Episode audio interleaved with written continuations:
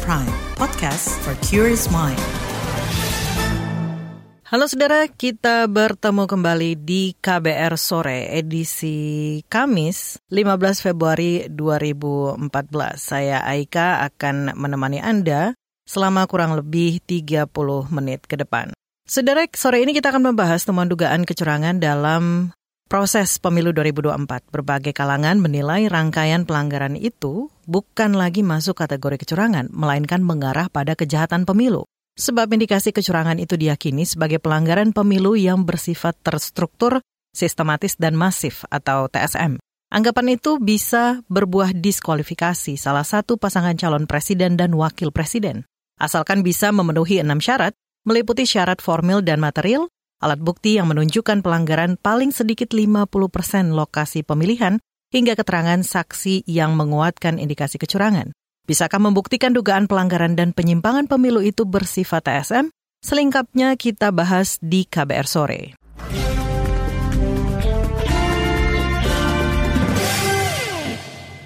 Saudara, hasil penghitungan cepat lembaga survei terhadap hasil pemilu 2024 menempatkan pasangan nomor urut 02 Prabowo Subianto Gibran Raka Buming Raka unggul dibanding dua pasangan lain, Anies Baswedan, Muhammad Iskandar, dan Ganjar Pranowo Mahfud MD.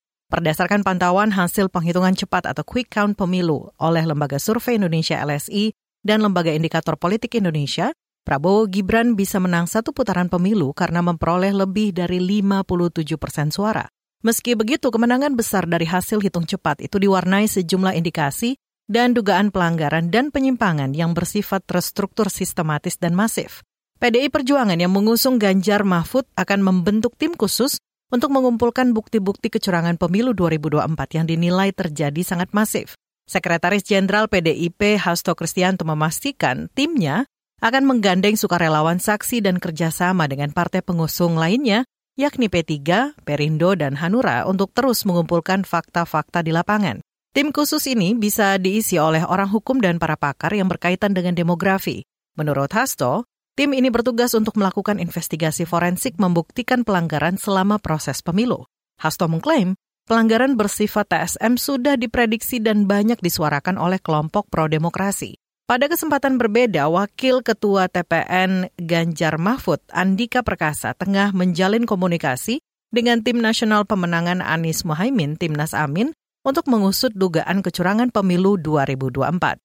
Intinya kita kan uh, menunggu hasil rekapitulasi.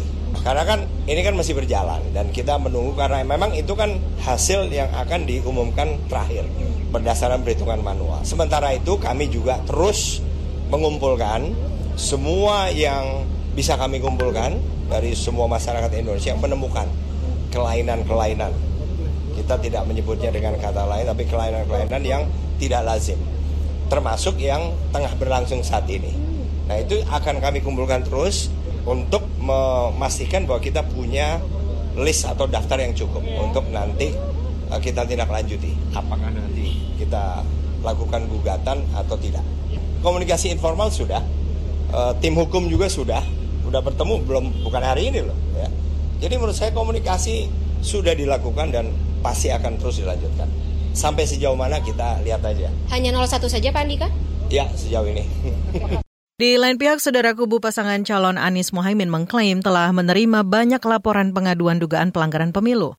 Ketua Tim Hukum Nasional Timnas Amin, Ari Yusuf Amir mengatakan, salah satu kategori pelanggaran yang diterima adalah keberpihakan kepala desa secara masif. Kondisi itu membuat perolehan suara Anies Mohaimin tergerus. Kita dari tim hukum nasional Amin, kita mulai dari semalam sudah siaga 24 jam untuk menerima semua laporan dari seluruh Indonesia. Kawan-kawan tim hukum nasional yang berada di daerah sudah siaga juga di daerah masing-masing dan mereka besar banyak sekali laporan-laporan kecurangan kita terima. Detailnya nanti akan kami sampaikan lebih lanjut. Tapi kami tetap optimis bahwa masyarakat kita sangat sekarang sangat memahami situasi yang ada dan tahu apa yang harus mereka lakukan. Jadi mungkin kawan-kawan media juga tahu banyak sekali hal-hal yang terjadi di lapangan yang sudah diantisipasi sendiri oleh masyarakat. Nah laporan ini disahkan kepada kami tim hukum dan kami akan segera memfollow up-nya. Boleh disebutkan salah satunya mungkin ya. Salah satunya tentang terlibatnya kepala desa yang secara masif. Detailnya nanti akan kami sampaikan dengan data-data yang lebih lengkap. Timnas Amin mengingatkan agar para saksi tetap mengawal proses penghitungan surat suara dengan serius. Nantinya pelanggaran yang masuk akan direkapitulasi secara nasional untuk selanjutnya digugat sesuai aturan hukum. Tim Amin masih optimistis bisa maju ke putaran kedua pemilu. Menanggapi langkah dua kubu lawan politik, tim kemenangan nasional TKN Prabowo Gibran meminta agar tuduhan pelanggaran yang bersifat TSM itu dibuktikan sesuai prosedur hukum. Juru bicara TKN Viva Yoga Mauladi menegaskan laporan dugaan rangkaian pelanggaran harus disertai bukti yang kuat melalui sidang perselisihan hasil pemilihan umum PHPU.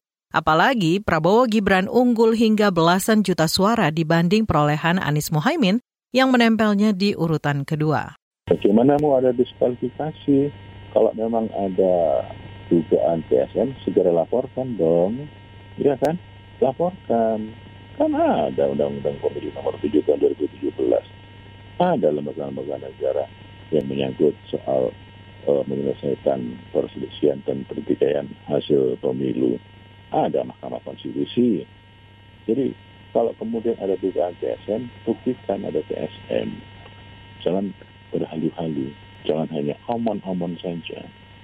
TKN Prabowo Gibran tetap tidak patuh pada hukum. Patuh mengikuti undang-undang pemilu. Undang-undang pemilu itu wajib untuk menjadi bagian penting dalam proses membangun demokrasi konstitusional melalui penyelenggaraan pemilu. Jadi tidak usah terlalu jauh pakai diskualifikasi segala. Buktikan dulu di mata hukum bahwa itu TSM.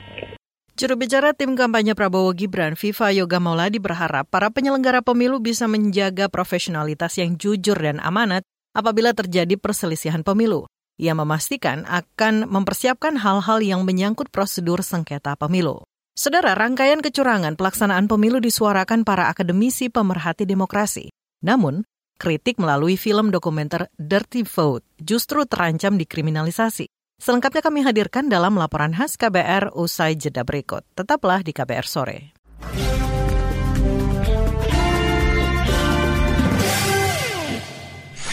Commercial break. Commercial break. Tolong, tolong. Ada apa MJ? Spiderman tolong tangkepin orang ini. Aku habis kena tipu investasi bodong nih. Sekarang aku bangkrut. Oh alah, pasti belum dengerin uang bicara ya? Uang bicara. Apa itu?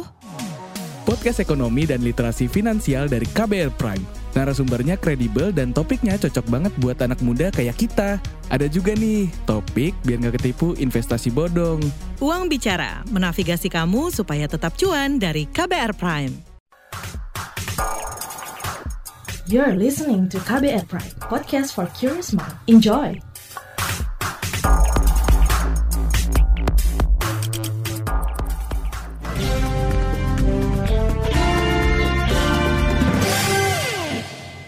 Film dokumenter Dirty Vote yang dirilis jelang pemilu 2024 berbuah intimidasi dan laporan pengaduan ke polisi. Narasi bermunculan mempertanyakan kapasitas dan kepakaran aktor yang memaparkan serangkaian dugaan kecurangan pemilu itu. Apa tujuan Dirty Vote tersebut dan bagaimana menyikapinya? Berikut laporan khas KBR disusun jurnalis Heru Haitami. Sebenarnya ini bukan rencana atau desain yang hebat-hebat amat. Skenario seperti ini dilakukan oleh rezim-rezim sebelumnya, di banyak negara, dan sepanjang sejarah. Karena itu, untuk menyusun dan menjalankan skenario kotor seperti ini, tak perlu kepintaran atau kecerdasan. Yang diperlukan cuma dua, mental culas dan tahan malu. Itu tadi sepenggal pernyataan Bivitri Susanti, salah satu dari tiga pakar hukum tata negara yang memaparkan pemetaan kecurangan pemilu dalam dokumenter Dirty Vote. Kemunculan Dirty Vote menimbulkan pelbagai reaksi, salah satunya mengarah pada kriminalisasi pihak yang terlibat dalam film. Sutradara Dirty Vote Dandi Dwi Laksono dan tiga pakar hukum yang terlibat dilaporkan ke Baris Krim Polri. Pelapor Ketua Dewan Pimpinan Pusat Forum Komunikasi Santri Indonesia DPP Foksi Nasir Sahib beralasan Dirty Vote menyudutkan salah satu pasangan calon presiden wakil presiden. Mereka melakukan pendiskredititan terhadap pemilu, pemilu yang sah. Dengan mengembel-embeli sebagai akademisi. Sehari sebelum laporan masuk, Polri mengaku tak berwenang memproses dugaan kecurangan terkait Dirty Vote. Juru bicara Polri, Sandri Nugroho menjelaskan alasannya. Masih ranahnya di Bawaslu, apakah itu masuk pelanggaran pemilu atau tidak. Kalau nanti sudah e, dikelola oleh Bawaslu, nanti akan diteliti baru nanti akan disampaikan kepada kita. Iya nanti Bawaslu yang melihat karena itu juga sebuah film, karena sebuah film. Apakah film itu masuk bagian dari kampanye gelap atau mungkin termasuk kampanye terselubung atau bagian yang lainnya nanti biarkan Bawaslu yang melihat apakah itu menjadi suatu pelanggaran atau tidak. Nanti kita luruskan baru nanti kita komunikasikan dengan Bawaslu. Zainal Arifin Mohtar, salah satu pakar hukum yang juga aktor Dirty Vote, merespons laporan itu. Orang nggak ngapa-ngapain aja juga bisa dilaporkan itu lagi. Ya, saya kira resiko resiko ini sederhana. Orang semua orang pernah mengalami itu teman-teman juga teman-teman wartawan nyari berita bisa berhadapan dengan resiko. Saya kira resiko bagian dari resiko. Hanya saja menurut Zainal, laporan tersebut tak jelas konteksnya. Saya belum tahu apa yang dia laporkan, pelanggarannya itu apa, pasal mana yang dilanggar, dan konteksnya nggak tahu. Kalau misalnya undang-undang pemilu biasanya kan kayaknya bukan baris krim ya, pemahaman saya. Harusnya misalnya dugaan saya ini dianggap kampanye barangkali atau pasal dianggap menguntungkan. Kan saya bukan peserta kampanye. Zainal mempertanyakan pelapor yang melaporkannya ke baris krim. Saya tidak melakukan tindakan apa saya bukan terdaftar di situ dan diskusinya diskusi akademik sebenarnya kan cuma di film. Nah kalau itu pun saya kira harusnya masuknya di bawah bukan di baris. Ya tapi saya nggak tahu pasalnya, makanya saya nunggu aja. Para pakar hukum itu menegaskan tujuan Dirty Vote untuk menjelaskan rangkaian kecurangan yang terjadi menjelang pemilu 2024. Sebab menurut pakar hukum tata negara Ferry Amsari, proses demokrasi di Indonesia telah direkayasa dan demokrasi sedang berjalan mundur luar biasa. Menurut saya yang perlu kita akan buktikan rame-rame bahwa demokrasi ini penuh kecurangan dan orang-orang yang sedang memainkan perannya, menekan dengan algoritma, melaporkan kepada pihak berwajib, lalu merekayasa pemilu, merekayasa aparat, aparat terlibat dan segala macam, itulah yang harus dilawan. Ferry Amsari juga aktor dalam film Besutan Sutradara Dandi Laksono. Dan menurut saya kenikmatannya ya di sana kita bisa membuktikan bahwa kecurangan itu betul-betul berjalan dan bersama-sama berjuang untuk membuktikan uh, kecurangan pemilu. Sementara itu, sutradara Dirty Vote, Dandi Dwi Laksono menyebut polisi semestinya pintar memilah laporan yang masuk. Dia menegaskan Dirty Vote murni idenya pribadi. Mudah-mudahan polisi juga cukup cerdas untuk melihat uh, laporan itu dalam konteks uh, sosial politik yang sedang terjadi gitu ya dan tidak terulang kejadian seperti laporan Luhut kepada Haris dan Fatia kemudian menghabiskan uang negara dan resource negara untuk melayani laporan seorang pejabat gitu, yang kemudian dikalahkan di pengadilan. Di lain pihak, Direktur LSM Imparsial Gufron Mabruri mengatakan pelaporan kepada empat orang yang terlibat pembuatan dirty vote ke pihak kepolisian tidak beralasan. Cara merespon yang benar, apa yang tepat dan benar terhadap film tersebut adalah membuktikan bahwa e, memastikan proses politik elektoral pemilu hari ini berlangsung demokratis, jurdil, nggak ada penyalahgunaan kekuasaan, nggak ada kecurangan. Saya kira itu respon yang lebih tepat yang seharusnya dilakukan oleh semua pihak ya. Tinggal membuktikan saja gitu loh, nggak usah main lapor melapor yang justru itu akan semakin kuat gitu ya dugaan-dugaan yang selama ini berkembang di masyarakat. Menurut Gufron, Film tersebut bagian dari partisipasi masyarakat sipil untuk mengawasi pelaksanaan pemilu agar berlangsung demokrasi tanpa kecurangan. Demikian laporan khas KBR, saya Heru Hetami. Itu tadi laporan KBR mengenai intimidasi pakar hukum tata negara yang menyuarakan proses pemilu yang kotor lantaran banyaknya kecurangan. Saudara sebagian dugaan pelanggaran pemilu telah diterima Bawaslu. Seperti apa tindak lanjutnya? Tetaplah di KBR sore.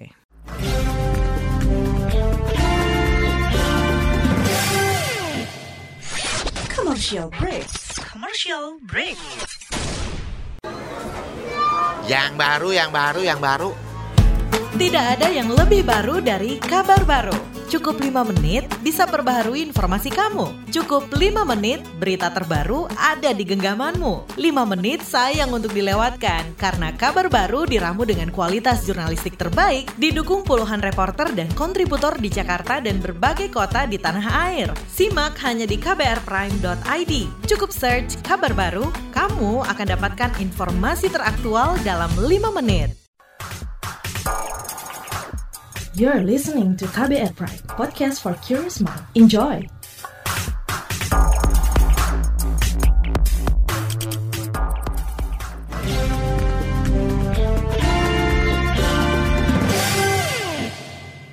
Kita lanjutkan lagi KBR sore.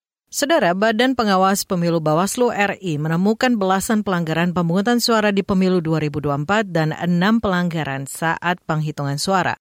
Anggota Bawaslu RI Loli Suhenti mengatakan laporan itu paling banyak masuk kategori intimidasi dan pengarahan pemilih untuk pemenangan calon tertentu. 13 masalah pemungutan suara, satu terdapat 37.456 TPS mengalami pembukaan pemungutan suara dimulai lebih dari pukul 7 pagi. Yang kedua, terdapat 12.884 TPS, didapati alat bantu disabilitas netra tidak tersedia. Yang ketiga, terdapat 10.496 TPS yang logistik pemungutan suara tidak lengkap, terdapat 8.219 TPS yang didapati adanya pemilih khusus yang menggunakan hak pilihnya tidak sesuai dengan domisili, terdapat 5.836 TPS didapati ada pendamping pemilih penyandang disabilitas yang tidak menandatangani surat pernyataan pendamping, terdapat 3.724 TPS didapati papan pengumuman DPT tidak terpasang di sekitar TPS dan tidak memuat pemilih yang ditandai bagi pemilih yang sudah tidak memenuhi syarat dan terdapat 2.271 TPS terjadi intimidasi kepada pemilih dan atau kepada penyelenggara pemilu di TPS. 6. Masalah penghitungan suara. Terdapat 11.233 TPS. Adanya sirekap yang tidak dapat diakses oleh pengawas pemilu, saksi dan atau masyarakat. Terdapat 3.463 TPS melakukan penghitungan suara dimulai sebelum waktu pemungutan suara selesai. Terdapat 2.162 TPS. Adanya ketidaksesuaian jumlah hasil penghitungan surat suara yang sah dan surat suara yang tidak sah dengan jumlah pemilih yang menggunakan hak pilih. Terdapat 1.895 TPS yang didapati pengawas TPS tidak diberikan model C hasil atau salinan. Terdapat 1.888 TPS, saksi, pengawas TPS, dan warga masyarakat tidak dapat menyaksikan proses penghitungan suara secara jelas. Terdapat 1.473 TPS, adanya intimidasi terhadap penyelenggara. Saudara pada kesempatan yang sama, Ketua Bawaslu RI Rahmat Bagja menegaskan akan menindaklanjuti laporan kecurangan tersebut. Ia memastikan telah merekomendasikan Bawaslu daerah untuk mengusutnya terhadap permasalahan penghitungan suara. Jajaran pengawas pemilu menyampaikan tindak lanjut hasil pengawasan sebagai berikut. Menyampaikan saran kepada KPPS agar melakukan cross-check kembali terhadap hasil penghitungan suara yang sah dengan suara-suara yang tidak sah dengan jumlah pemilih yang menggunakan hak pilih ini mengecek antara DPT, DPTB, dan juga DPK. Hasil cross check kemudian menjadi bahan perbaikan kepada KPS melakukan pembetulan sebelum batas penghitungan suara selesai dilaksanakan dan memastikan sirekap tidak dapat diakses oleh pengawas pemilu dan atau masyarakat. Jadi ada yang pada saat penghitungan kita tidak dapat tidak dapat mengakses misalnya sirekap di lapangan. Berkoordinasi dengan berbagai pihak untuk dapat mematuhi aturan khususnya bebas intimidasi kepada penyelenggara. Ini bukan hanya terhadap pengawas tapi juga terhadap KPPS. Jadi kami uh, berkoordinasi dengan teman-teman kepolisian dan pihak keamanan agar teman-teman KPPS, teman-teman pengawas TPS itu dilindungi oleh aparat keamanan. Saat ini jajaran pengawas pemilu juga melakukan penelitian dan pemeriksaan terhadap potensi pemungutan suara ulang dan juga mungkin lanjutan, pemungutan dan penghitungan lanjutan dan susulan. Bagi KPPS yang telah selesai melakukan penghitungan suara, jajaran pengawas juga mulai melakukan pengawasan penyerahan kotak suara. Ini juga masa-masa yang paling kritis ya. Maka kemudian ditemukan hal demikian, maka Bawaslu ketika ada laporan itu melakukan uh, sidang adjudikasi pelanggaran administrasi untuk mencocokkan data, membandingkan data. Nah itu belum belum ada. Kita sekarang lagi menunggu rekomendasi dari Panwasya dan uh, Bawaslu Kota dalam pemilihan pemungutan suara susulan ataupun uh, lanjutan. Ketua Bawaslu RI Rahmat Bagja menambahkan, sampai saat ini pihaknya belum dapat memutuskan apakah terdapat dugaan pelanggaran pemilu yang bersifat terstruktur, sistematis, dan masif TSM. ada kriteria terhadap TSM, pelanggaran administrasi TSM terstruktur, sistematis dan masif. Dan itu harus terpenuhi 50% karena datanya belum cukup maka e, hal itu juga belum bisa kami jawab. Ya. Semua diterima, tapi untuk ditindaklanjuti lebih lanjut maka pertama harus dikaji tadi syarat formil materialnya.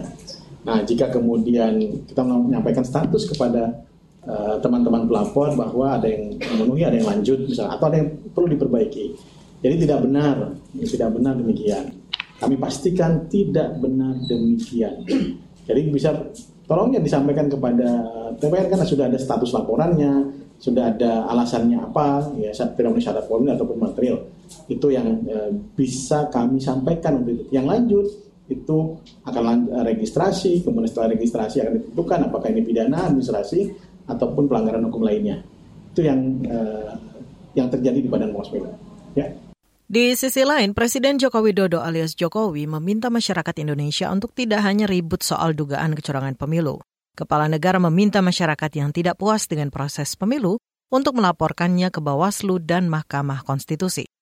Caleg itu ada saksi di TPS, partai ada saksi di TPS, capres, cawapres, kandidat ada saksi di TPS. Di TPS ada Bawaslu. Aparat juga ada di sana. Terbuka untuk diambil gambarnya.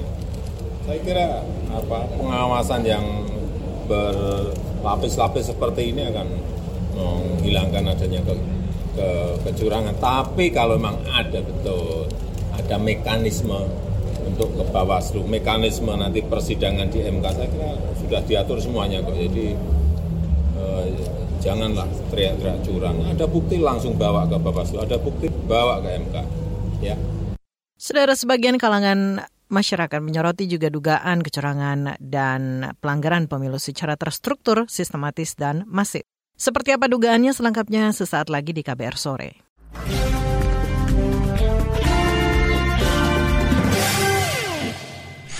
Commercial break. Commercial break.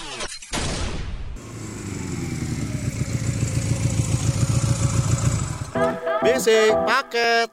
Yuhu, paket buletin pagi aku udah datang. Isinya lengkap banget. Ada berita-berita menarik dari berita politik, ekonomi, sosial budaya, sampai berita olahraga. Penasaran isi selengkapnya? Dengerin aja di kbrprime.id. Search Buletin Pagi. You're listening to KBR Pride, podcast for curious mind. Enjoy!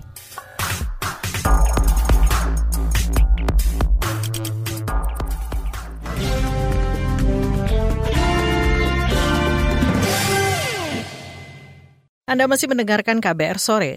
Saudara Koalisi Lembaga Swadaya Masyarakat LSM untuk Keadilan Pemilu mencatat ada seratusan kasus penyimpangan aparatur negara yang mengacu pada pemberian kemenangan pada paslon tertentu. Perwakilan koalisi sekaligus Direktur Eksekutif Setara Institut Halili Hasan membeberkan dampak kecurangan bersifat TSM terhadap hasil pemilu dan demokrasi. Berikut wawancara jurnalis KBR Rangga Sugeri dengan perwakilan Koalisi Lembaga Swadaya Masyarakat LSM untuk Keadilan Pemilu, Halili Hasan.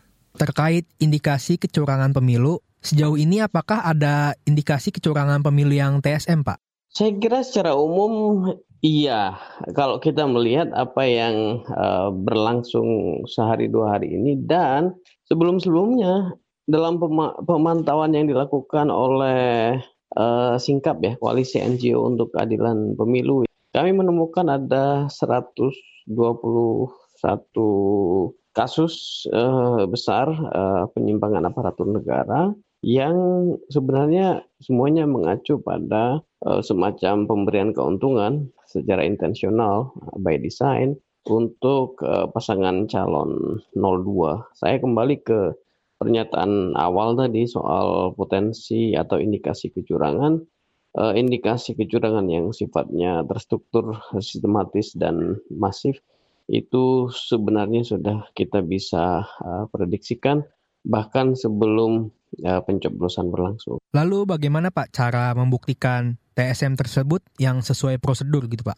Ya kalau kita mau uh, berpikir uh, normatif ya, memanfaatkan, mengoptimalkan kelembagaan pengawasan dan koreksi yang uh, disediakan. Paling tidak ada dua ya, satu Bawaslu ya untuk melaporkan itu yang pertama. Yang kedua uh, melalui Mahkamah Konstitusi. Jadi hanya dua itu saja. Lantas apa Pak tindakan lanjutan dari masyarakat, masyarakat sipil gitu terkait hal ini Pak? Uh, tidak ada pilihan lain bagi masyarakat selain memastikan bahwa mekanisme kontrol atau pengawasan itu memang harus semakin digencarkan, harus semakin diintensifkan dan dalam kerangka itu saja demokrasi itu bisa uh, kita selamatkan dan berjalan baik karena sungguhnya Eh, ketika tata kelola demokratik itu uh, dipilih menjadi pilihan kita bersama, itu mengandaikan bahwa kekuasaan itu mesti dikontrol agar dia tidak absolut. Lalu bagaimana Pak kepercayaan publik terhadap Bawaslu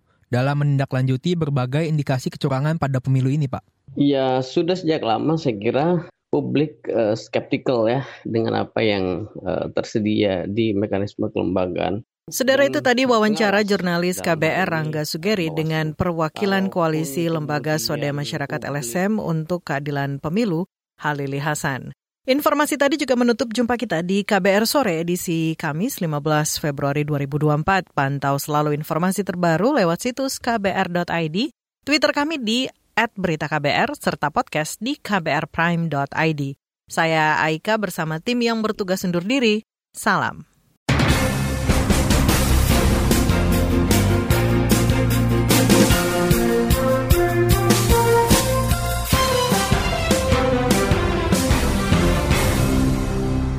KBR Prime, cara asik mendengar berita. KBR Prime, podcast for curious mind.